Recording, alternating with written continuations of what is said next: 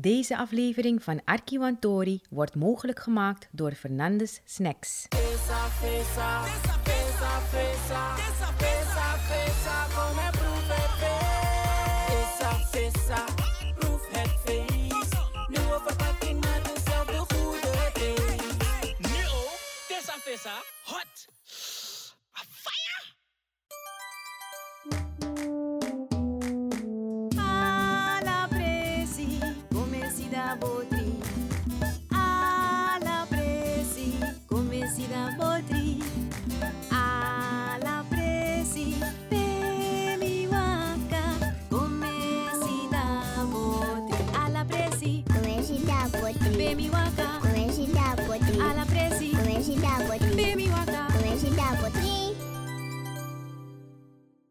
Hallo meisjes en jongens, welkom bij een andere aflevering van Arkiwantori.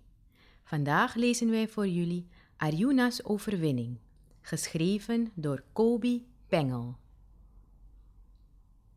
Masra Fustari Kondre woont ver en hoog, hoger dan de hoogste wuivende graspluimen, dan alle bomen en de huizen in de stad hoger dan de hoogste bomen in het verre bos.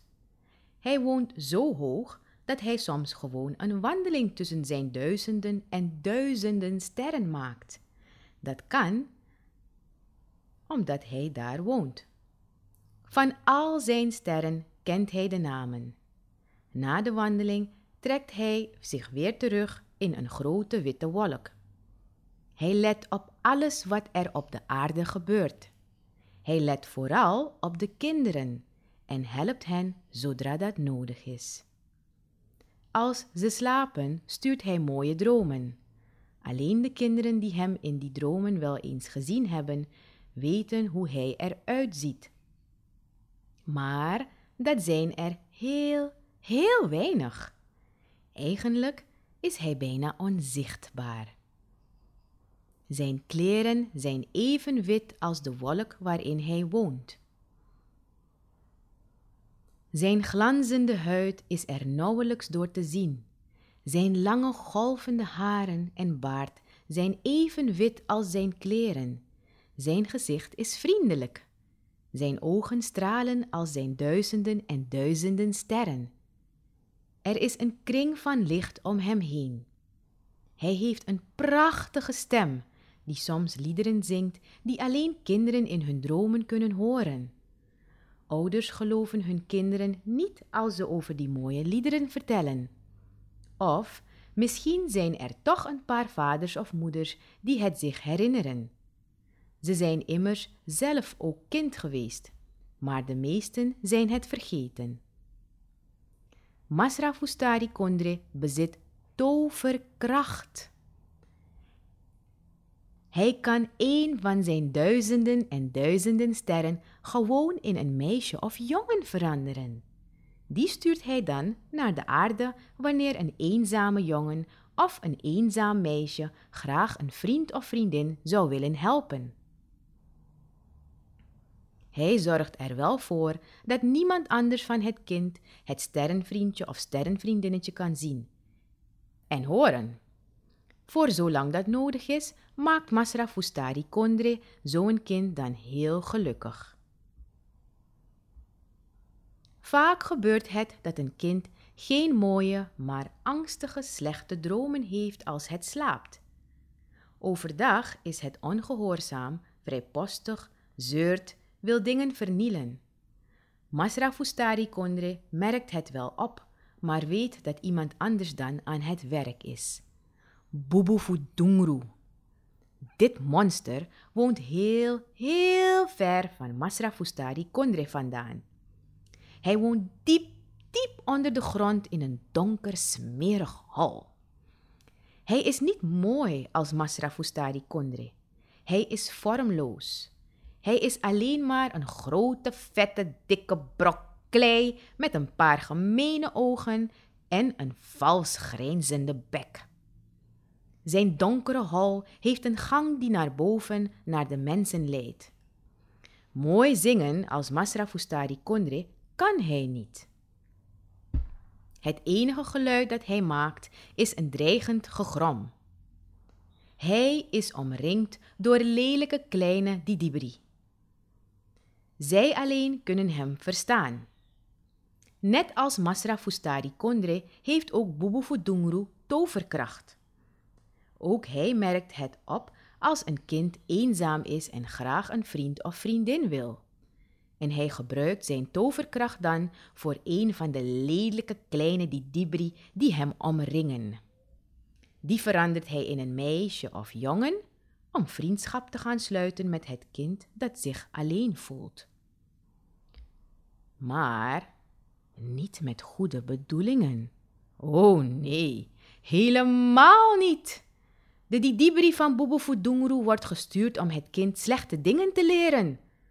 Als het gebeurt dat Masra Fustari Kondre al één of meer sterren heeft gestuurd, wordt Bobo Fudunguru woedend. Het gegrom dat uit zijn valse, stinkende bek komt, is dreigender dan ooit. Zijn gemene ogen worden geel van jaloezie. Hij haast zich om de slechtste Didibri door de kronkelende gang naar boven te sturen. Meestal is Masra Fustari Kondre de eerste die het kind heeft opgemerkt. Maar niet altijd. Er kunnen vreemde dingen gebeuren als het goede dat door Masra Fustari Kondre is gezonden en het slechte van Bubu Fudungru elkaar tegenkomen. Arjuna Arjuna is een slimme, levendige jongen met heel veel fantasie. Hij is vijf jaar, bijna zes. Hij heeft geen broertjes of zusjes en ook geen vrienden of vriendinnen.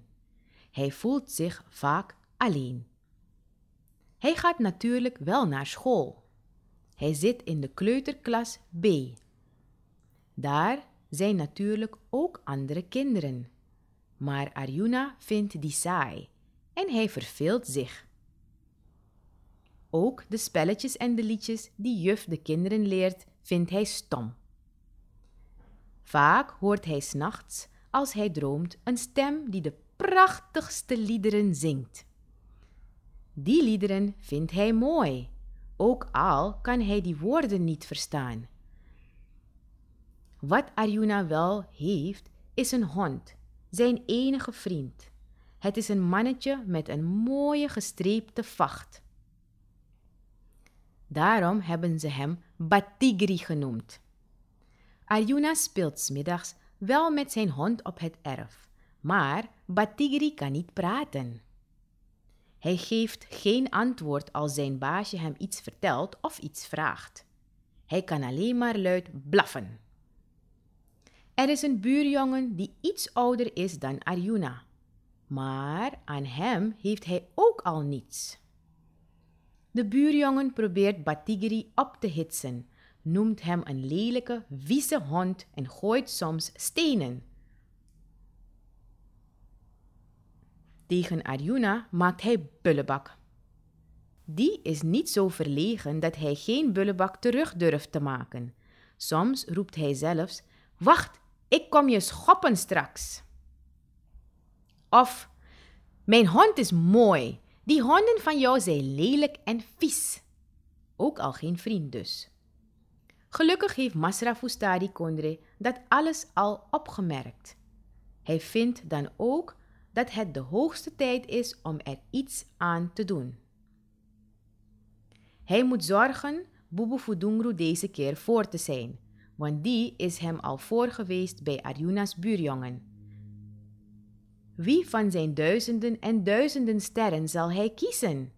Hij kiest maar liefst twee sterren uit om Arjuna gezelschap te houden. Het zijn de tweelingsterren Anand en Ashok. Twee kunnen meer dan één, denkt Masra Fustari Kondre.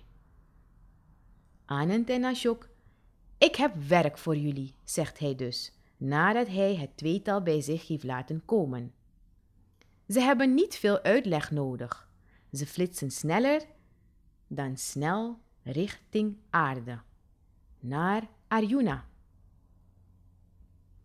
Arjuna's ouders en ook juf zien al gauw verandering in Arjuna's gedrag.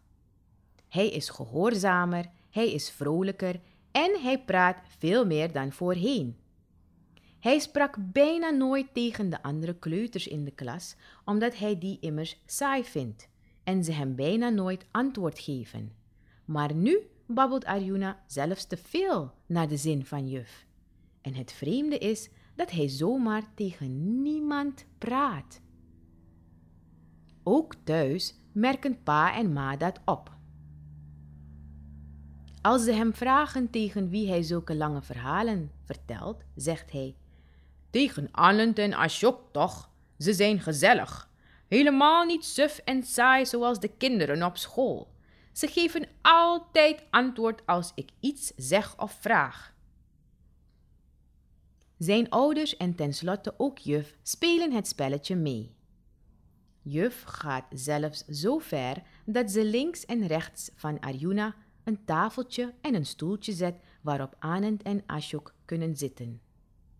Ook thuis hebben ze hun eigen plaatsjes. Slapen doen ze bij Arjuna in bed. Als de familie uitgaat, mag de tweeling mee. Er is genoeg ruimte voor drie kinderen op de achterbank van de auto. Al heel gauw zitten daar echter geen drie, maar vier kinderen. In de klas moet juf er nog een stoeltje en tafeltje bij zetten. Want daarboven, bij Masrafustari Kondre en zijn duizenden en duizenden sterren, is er niet alleen goedheid en tevredenheid, ook een heel klein beetje jaloezie. Er is een leuk maar vrijpostig meisjessterretje dat Tarika heet, dat er ook graag bij had willen zijn. Ze smeekt Masra Fustari Kondre om Anand en Ashok te mogen volgen. Toe, Masra, alstublieft. Ik verzoek Masra, kijk toch eens hoe leuk het daar is beneden bij Arjuna. Anand en Ashok vinden het vast niet erg als ik er ook bij kom. Ik denk zelfs dat ze het erg gezellig zullen vinden. En Arjuna ook. Toe, Masra, ik verzoek Masra. Na lang smeken van Tarika geeft Masra Fustari Kondre zijn toestemming. Vooruit dan maar, zegt hij. Ster Tarika mag ook afdalen. Dank u, dank u, Masra, roept ze blij uit. Nu heeft Arjuna twee vrienden en een vriendin. Het wordt steeds drukker en steeds gezelliger. Arjuna is dol op Anand en Ashok. Maar van Tarika houdt hij nog het meest. Als Arjuna zes jaar geworden is, gaat hij naar de eerste klas. Masra Fustari Kondre vindt dat hij zijn sterren nu wel kan terugroepen. Arjuna is wat ouder en moet nu leren vriendschap te sluiten met de kinderen van zijn nieuwe klas. Tot hun grote verdriet moeten Anand, Ashok en Tarika terugkeren naar Stari Kondre. Ze hadden een leuke tijd met Arjuna en zullen hun vriend missen. Helaas blijkt het toch te vroeg te zijn.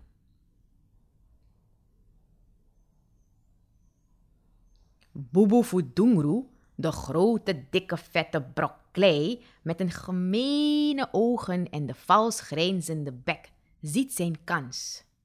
Ha, ha, ha! Op een middag rijdt Arjuna op zijn fietsje op het erf.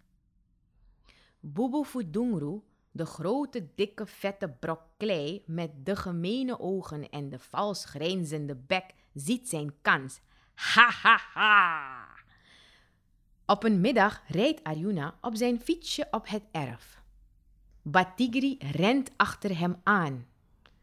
Dan begint het plotseling te regenen en te onweren. Zijn moeder roept meteen: Arjuna, fiets onder het huis zetten en binnenkomen. Arjuna gehoorzaamt en loopt de trap op. Batigri is vreselijk bang voor de bliksem en de donder en zoekt zijn schuilplaats achter het huis op. Hij heeft daar een gat gegraven om in weg te kunnen kruipen als het onweert. Het gat is zo diep dat het eerder een onderaardse gang lijkt. Batigri voelt zich er veilig. Daar ligt hij die middag te wachten tot het onweer voorbij is. Dan hoort hij in de verte opeens een vreemd geluid. Het is een stemmetje. Een stemmetje dat steeds dichterbij lijkt te komen, steeds luider klinkt. Er komt een raar kronkelend ding aan. Het wordt voorafgegaan door een zwak licht. Zo komt het dat Batigri het ding kan zien. Het komt diep uit de aarde. Het stemmetje zingt een liedje dat steeds luider, maar ook een beetje vals klinkt. Ga opzij, ga opzij, pas op, want ik kom voorbij. Pas op, want ik kom eraan. Pas op, blijf vooral niet staan. Ik ben een pier zonder manier. Ik heet Riedri Pierelier. Pierelier, Pierelier. Ik ben een gevaarlijk dier. Zo gek als het liedje klinkt, zo gek en zo vals ziet het monstertje eruit. Want dat is het beslist. Het lijkt op een van de kronkelende vette pieren die Batigri na een regenbui altijd uit de grond ziet kruipen. De vogels genieten daarvan. Ha, lekkere vette pieren, een feestmaal! Dit vals zingend monstertje, natuurlijk een van de Didibri van Bubu Fudungru, ziet er echter toch een beetje anders uit. Hij is langer en vetter. Hij heeft een kale kop met alles erop en eraan. Twee wiebelende horentjes, grote flaporen, een knopneus en een brede mond. Het meest opvallend zijn de bolle, lichtgevende ogen. Het is geen mooi licht, het is akelig, koud licht. Batigri beeft dan ook van angst als hij naar die vette pier zonder manier met zijn koude ogen kijkt. Hij wil dat griezelig monstertje niet meer zien en horen. Het onweer is intussen opgehouden, zodat hij veilig naar buiten kan kruipen. Hij kijkt angstig om of de pier hem gevolgd is. De pier is ook uit het gat gekropen. Batigri begint nog meer te beven. Want hij ziet iets heel vreemds gebeuren. De horentjes op de kale kop verdwijnen. En er beginnen lelijke rechte haren op te groeien. De grote flaporen worden kleine oren. En die lelijke mond wordt een kindermondje en de knopneus. Een normale neus. Spottend kijken de ogen, waaruit het koude licht niet is verdwenen, naar de bange hond. Het blote vette lijf is er niet meer. Er staat nu een gewone jongen, maar wel eentje met gemene ogen. Hij ziet er heel anders uit dan Arjuna. Hij draagt een kleurloze korte broek en blouse.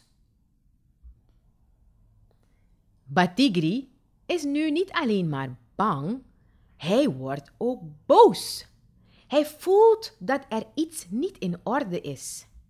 Hij begint te grommen en te janken. Hij rent om het huis heen in de richting van de voortrap. Arjuna en zijn moeder zitten op het balkon. Ze schrikken van het vreemde gedrag van hun hond. Batigri, wat is er dan met je? Het onweer is toch al voorbij? roept Arjuna.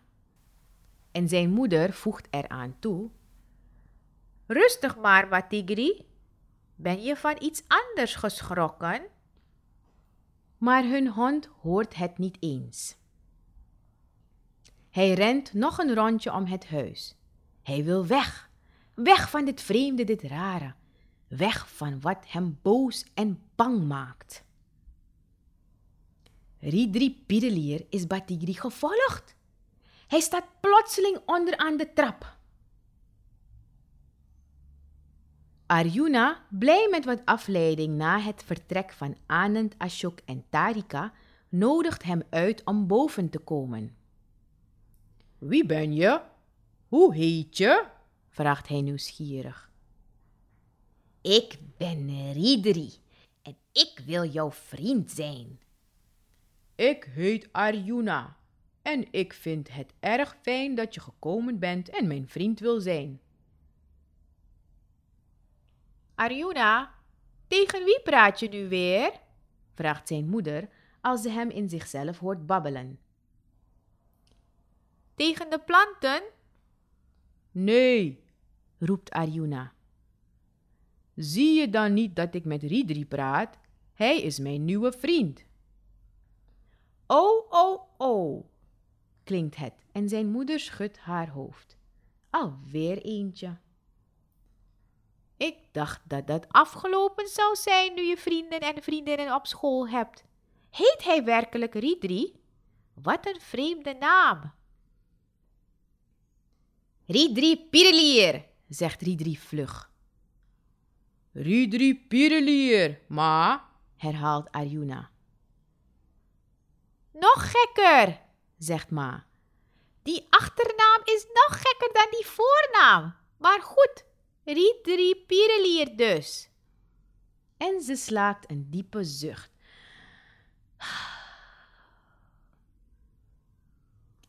Net als de voorgaande keer spelen de ouders het spelletje mee. Ze zijn ervan overtuigd dat ook dit vriendje, net als Anand, Ashok en Tarika, op een dag gewoon wel weer verdwenen zal zijn. Toen pa op een dag vroeg waar Anand, Ashok en Tarika toch gebleven waren, had Arjuna verbaasd gereageerd. Maar pa, weet je dan niet dat die allang verhuisd zijn? Toch twijfelden beide ouders of het deze keer wel goed zal aflopen. Want Arjuna begint al gauw na de komst van Ridri allerlei vrijpostigheden uit te halen. Hij verstopt zich als het tijd is om naar school te gaan. Ma kan hem dan nergens vinden. Af en toe geeft hij een flinke trap tegen Ma's potplanten op het balkon.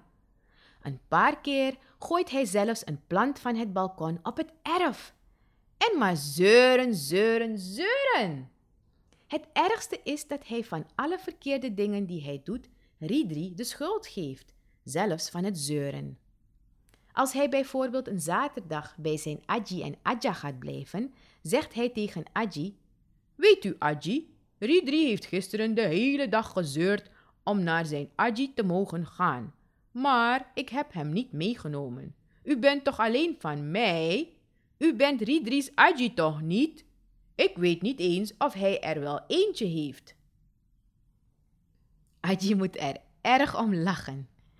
Ja hoor, zegt ze. Ik ben niet alleen van jou. En bovendien wil ik die Ridri hier helemaal niet hebben. Het is goed dat je hem niet hebt meegebracht. Ik heb van je ouders alleen maar lelijke dingen over hem gehoord. Het ergste gebeurt op een dag dat Ma haar stoute zoon weer eens niet kan vinden. Als ze hem roept vanaf het achterbalkon, ziet ze hem druk bezig in het groententuintje dat zij enige tijd geleden op het erf heeft aangelegd. Wat doet hij daar? Ze kijkt nog eens goed. Ze wordt woedend. Arjuna is bezig de met zoveel zorg geplante tijrbladplantjes, de okerplantjes, de peperplantjes en de tomatenplantjes uit de grond te trekken en op een hoop te smijten. Wat doe je daar, Arjuna? schreeuwt zijn moeder, nu heel erg kwaad. Arjuna voelt meteen dat hij deze keer te ver is gegaan. Hij probeert zich te verdedigen. Ma, ma, Ridri heeft gezegd dat het leuk is om de plantjes eruit te trekken. Ridri doet het ook, kijk maar. Niks, Ridri. Opgehoepeld met die Ridri. Ik heb genoeg van die vervelende Ridri. Kom onmiddellijk naar boven. Langzaam loopt Arjuna de achtertrap op. Zijn moeder pakt hem bij zijn arm en brengt hem eerst bij de kraan om zijn handen te wassen. Zo, zegt ze, nog steeds heel boos. Nu mag je een poosje in je kamer gaan zitten om na te denken over wat je hebt gedaan. Al het werk moet ik nu weer opnieuw gaan doen. Met gebogen hoofd gaat Arjuna naar zijn kamer. Als zijn moeder smiddags aan zijn vader vertelt wat hun lieve zoontje die dag heeft uitgehaald, zogenaamd aangemoedigd door Ridri, zegt die: Dit kan niet langer. Hieraan moet een eind komen. Dit wordt echt te gek. Ook Masrafustari Kondre heeft het allemaal zien gebeuren vanuit zijn grote witte wolk. Steeds als Arjuna weer iets deed wat niet goed was, schudde hij bezorgd zijn wijze witte hoofd. Net als Arjuna's ouders vindt hij dat het niet langer kan. Er moet iets gedaan worden en snel ook.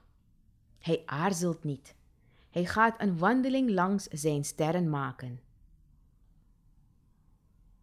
Een van zijn mooiste liederen zingend wandelt hij naar een bijzonder mooie, stralende ster die de naam Anuradha draagt.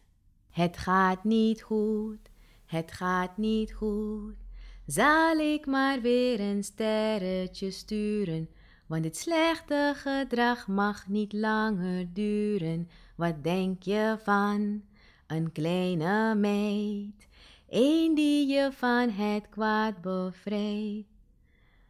Als je luistert naar haar goede raad, zorg ik dat alles weer goed gaat. Al zingend is hij bij de bijzondere ster aangekomen. Anuradha, zegt hij. Het is nu jouw beurt om naar de aarde te gaan. Arjuna heeft dringend hulp nodig.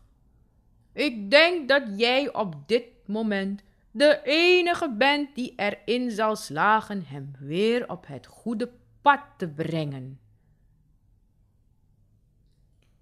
Ik voel mij vereerd met uw opdracht, Masra. U kunt op mij rekenen. Ik zal u zeker niet teleurstellen, tinkelt Anuradha helder en vrolijk. Zegt u maar wanneer ik moet gaan. Nu meteen, zegt Masra. We hebben geen tijd te verliezen, anders loopt het helemaal verkeerd af. Ik ben er klaar voor, Masra, is Anuradha's antwoord en met een vaart schiet ze naar beneden, in de richting van het huis waar Arjuna ligt te slapen. Masra Fustari Kondre kijkt haar glimlachend aan. Opnieuw zijn lied zingend, wandelt hij vol vertrouwen in een goede afloop terug naar zijn witte wolk. Ma, zegt Arjuna als zijn moeder hem de volgende ochtend wakker komt maken. Ik heb vannacht zo mooi gedroomd en ik heb alweer iemand zo mooi horen zingen. Oh ja?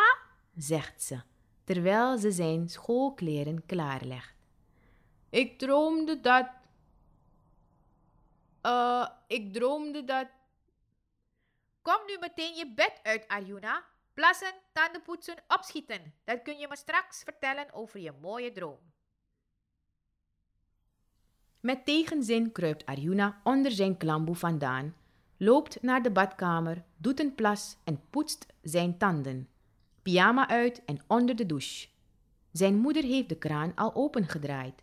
Ze blijft erbij staan terwijl Arjuna zich inzeept. Hij springt daarbij op en neer. Hij is nu helemaal wakker. Zijn mond staat niet stil. Ik droomde, ik droomde dat ik wakker werd, roept hij boven het geluid van het stromende water uit.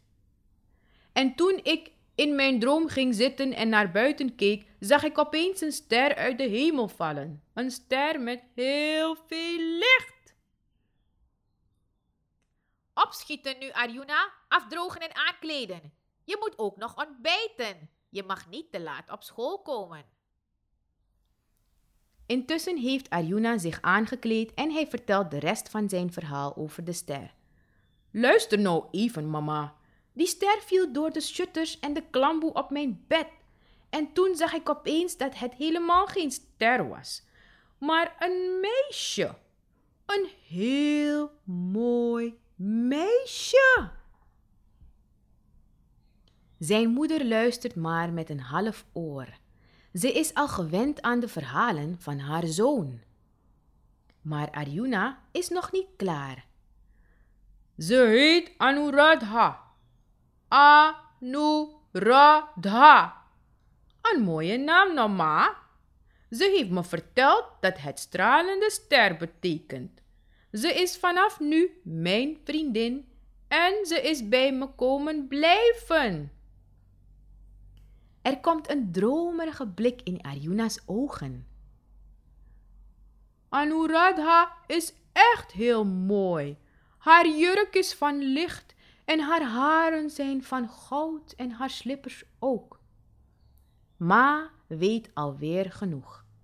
Eigenlijk vindt ze dat dit kinderachtige gedoe nu maar eens moet ophouden. Maar tegen Arjuna zegt ze: Over je nieuwe vriendin zullen we het later nog wel hebben. Kom nu eerst maar je brood eten en je cacao drinken. Bovendien heb ik een verrassing voor je. Arjuna is meteen een en al aandacht. Hij is dol op verrassingen. Je neefje Krishna uit Nikeri wil graag in Paramaribo bij jou Diwali komen vieren. Echt? Oh, wat leuk! Roept Arjuna blij verrast uit. En dan nog iets, Voegt zijn moeder er glimlachend aan toe. Oom Ram brengt niet alleen Krishna, hij brengt ook een pup mee. Hun hond heeft kleintjes gekregen. Dan heeft Batigri ook een vriendin, want het is een vrouwtje. Arjuna is zo opgewonden dat hij zich verslikt in zijn cacao. Oh, wat leuk, ma, wat leuk! Hoe ziet de pup eruit? Net zulke strepen als Batigri heeft oom Ram verteld, zegt ma. Oh, dan weet ik al een naam voor haar, roept Arjuna uit. Tigora. Tigora gaat Batigri's vriendin heten. Vind je dat goed, ma? Ma vindt alles prima. Ridri, die voortdurend in Arjuna's buurt is, heeft alles gehoord. Over de ster die uit de hemel is komen vallen en dat er ook nog een neefje uit Nikeri komt. Hij is woedend. Het ging zo goed tussen Arjuna en hem. En dan nu die ster die een meisje is. Een jurk van licht en haren en slippers van goud nog wel. Doe maar, dat belooft niet veel goeds. Dat gaat alles bederven. Ze moet zijn gestuurd door die Masra Fustari Kondre, waarover hij zijn baas, Bubu Fudungru, alleen maar slechte dingen heeft horen grommen. Met dat neefje zal hij misschien geen moeite hebben. Met Arjuna en ook met de buurjongen is het gelukt. Maar met het meisje, dat eigenlijk een ster is, een jurk van licht draagt en haren en slippers van goud heeft, hmm, Ridri ziet het somber in. Een week later komt oom Ram met Krishna uit Nikeri. Tigora is er tot grote vreugde van Arjuna ook bij. Krishna is eerst een beetje verlegen. Hij is een jaar jonger dan Arjuna. De twee neefjes zien elkaar niet zo vaak, maar door de hartelijkheid waarmee hij ontvangen wordt, is hij daar gauw overheen. En nadat Batigri en Tigora elkaar aan alle kanten besnuffeld hebben, zijn die twee ook meteen vriendjes. Ze rennen achter elkaar aan op het erf. Vanaf die middag is het niet één, maar zijn het twee vlugge jongetjes die op hun fietsjes over het erf racen. Oom Ram heeft Krishna's fietsje en ook een voetbal meegenomen. De beide honden rennen vrolijk blaffend mee. De dag van Diwali nadert. Het feest van de vele lichtjes die de duisternis overwinnen. Dat is Diwali. Alle voorbereidingen worden getroffen. Huis en erf moeten worden schoongemaakt voor het grote lichtfeest. Jongens, een paar middagen niet spelen, niet fietsen en niet voetballen. Er gaat gewerkt moeten worden. Jullie zijn groot genoeg om te helpen het erf schoon te maken. Alles moet schoon en netjes zijn voor de Wali, had pa enkele dagen voor het feest gezegd. Ma maakt het hele huis schoon en legt voor allen alvast hun beste kleren klaar. Voor zichzelf haalt ze haar mooiste sari uit de kast. De kommetjes van aardewerk worden gekocht. Daarin zullen de lontjes gedraaid van watten, drijvend in ghee, op de avond van Diwali het licht verspreiden. En zo is alles precies op tijd klaar. Zowel Ridri als Anuradha blijven nu in de buurt van Arjuna. Ridri heeft enkele malen geprobeerd contact te krijgen met Krishna. Het is hem niet gelukt. Ook Anuradha blijft verborgen voor Krishna. Met de komst van Anuradha is er een stille strijd begonnen tussen haar en Ridri. Fluistert Ridri iets in Arjuna's oor, dan fluistert Anuradha snel iets in zijn andere oor. Ze waarschuwt hem steeds opnieuw voor Ridri. Hierdoor begint Arjuna al gauw in te zien dat hij met Ridri op de verkeerde weg is. Op een gegeven moment fluistert Ridri hem zelfs in hoe leuk het zou zijn om zand van het erf in Maas draaiende wasmachine te gooien. En dan aan alle knoppen te draaien. Dan gaat de wasmachine lekker kapot. Arjuna herinnert zich echter nog goed hoe woedend zijn moeder was toen hij de plantjes in de groententuin uit de grond getrokken had. Nu weet hij het zeker. Anuradha hoeft hem niet eens meer te waarschuwen. Ridri is helemaal geen vriend.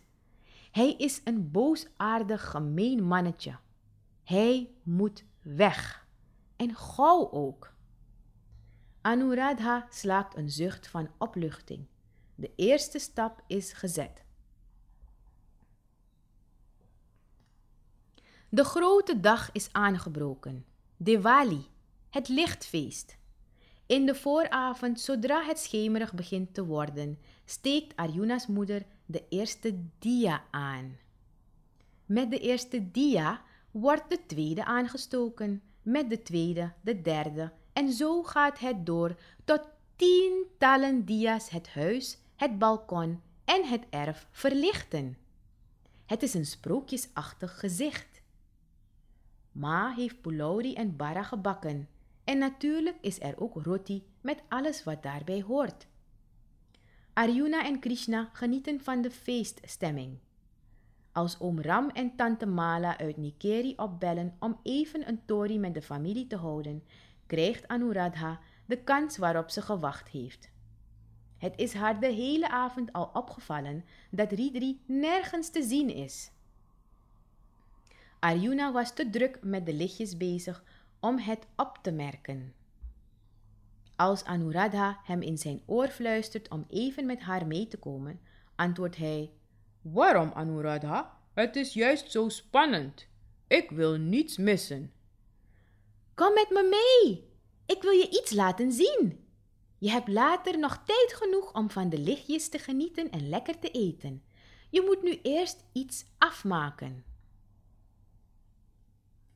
Arjuna gehoorzaamt en laat zich door zijn vriendin meenemen. Ze brengt hem achter het huis naar het diepe gat waarin Batigri altijd schuilt voor het onweer. Tussen de struiken naast het gat zien ze Ridri. Hij zit in elkaar gedoken te beven en te rillen. Zijn handen houdt hij voor zijn ogen. Ze horen hem kermen en kreunen. Oh, oh, oh, dat licht. Dat licht. Auw, dat licht. Ik kan er niet tegen. Ik kan niet tegen al dat licht. Mijn ogen doen pijn. Ik word er doodziek van. Oh, oh.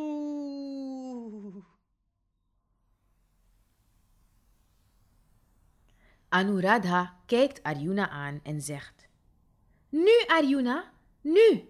Dit is je kans om voorgoed van Ridri af te komen. Zie je dat gat? Daarin hoort hij thuis en jij moet hem erin duwen. Je bent sterk, je kan het. Hij is helemaal geen vriend, hij is een didibri.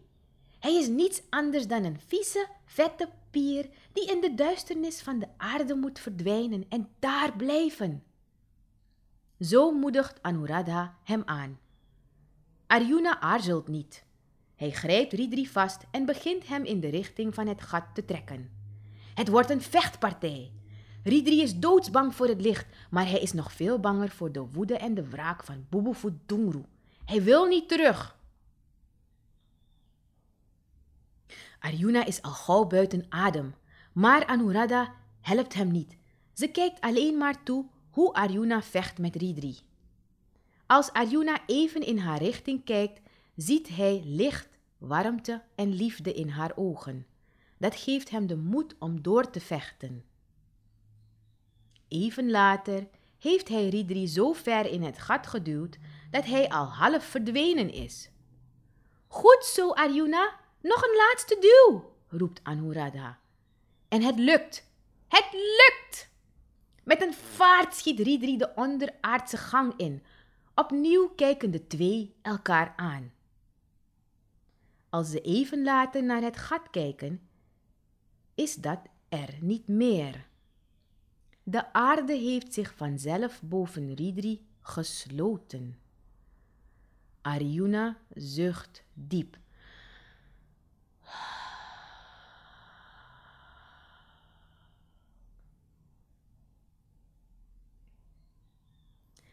Hij is doodmoe. Wat is hij Anuradha dankbaar? Die zegt zachtjes: Het is voorbij, Arjuna.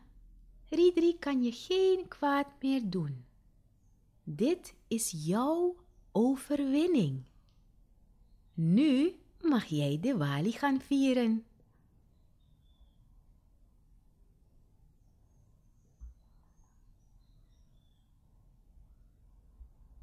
Er wordt geroepen. Arjuna, waar zit je nou? We gaan lekker eten. Arjuna haast zich naar het voorerf en loopt de trap naar het balkon op. Na het eten worden de beide jongens door Arjuna's ouders naar bed gebracht. Wel te rusten, slapen jullie lekker en tot morgen. Even later klinkt het fluisterend. Krishna, Krish, slaap je al? Het was een mooi feest, no? Er komt geen antwoord uit het andere bed. Krishna was zo moe dat hij direct in slaap is gevallen. Arjuna kan nog, kan nog niet slapen na alles wat er die avond is gebeurd. Opeens merkt hij dat Anuradha stilletjes onder zijn klamboe is gekropen. Ze zit aan het voeteneinde van zijn bed. Het is tijd om afscheid te nemen, Arjuna. Je zult mij niet meer nodig hebben. Je bent nu al een grote jongen die in de eerste klas zit. En het belangrijkste van alles is: jij hebt de slechte Ridri Pirelier zelf weggejaagd. Dag Arjuna, ik vond het fijn om je vriendin te zijn en je te helpen. Ik zal je nooit vergeten. Arjuna is opeens klaar wakker. Hij gaat rechtop zitten. Hij probeert Anuradha te pakken. Het lukt hem niet. Ik vergeet je ook nooit, Anuradha. Je hebt me geholpen. Ik wil niet dat je weggaat. Niet weggaan, alsjeblieft, smeekt hij. Niet weggaan. Blijf bij me, alsjeblieft. Ik hou zoveel van je, je moet bij me blijven. Dan kan ik later met je trouwen. Anuradha glimlacht geheimzinnig en fluistert: Wie weet, wie weet, kom ik nog wel eens terug. Als je een man geworden bent, Arjuna, wie weet, want ik hou ook van jou. Arjuna vindt het vreemd dat hij Anuradha niet kan tegenhouden. Is hij nog wel wakker of droomt hij? Voor de tweede keer ziet hij het wonder gebeuren, maar nu omgekeerd. Het meisje Anuradha stijgt op door de klamboe en de shutters, steeds verder weg van de aarde. Als de ster Anuradha bereikt ze tenslotte haar stari kondre. Arjuna is weer gaan liggen. Hij voelt zich opeens erg slaperig. Heeft Anuradha echt gezegd dat ze ook van hem houdt? En dat ze misschien wel terugkomt als hij een man is? Of droomde hij toen al? Anuradha gaat meteen verslag uitbrengen bij Masra Fustari Kondre. Eigenlijk is dat niet nodig. Die heeft vanuit zijn witte wolk alles kunnen volgen. Hij is tevreden over Anuradha. Ze krijgt een warme glimlach van hem. Ze neemt haar vaste plaatsje in tussen haar lichtgenootjes. Ze is weer thuis. Het meisje met de jurk van licht en de haren en de slippers van goud zal voortaan weer een stralende ster zijn. De ster Anuradha, een van de duizenden en duizenden in Stari Kondre. Masra Fustari Kondre zal er zijn prachtige liederen blijven zingen voor alle kinderen en alle grote mensen die naar hem willen luisteren. Shub Diwali. Wij hopen dat jullie hebben genoten. Tot de volgende Tori.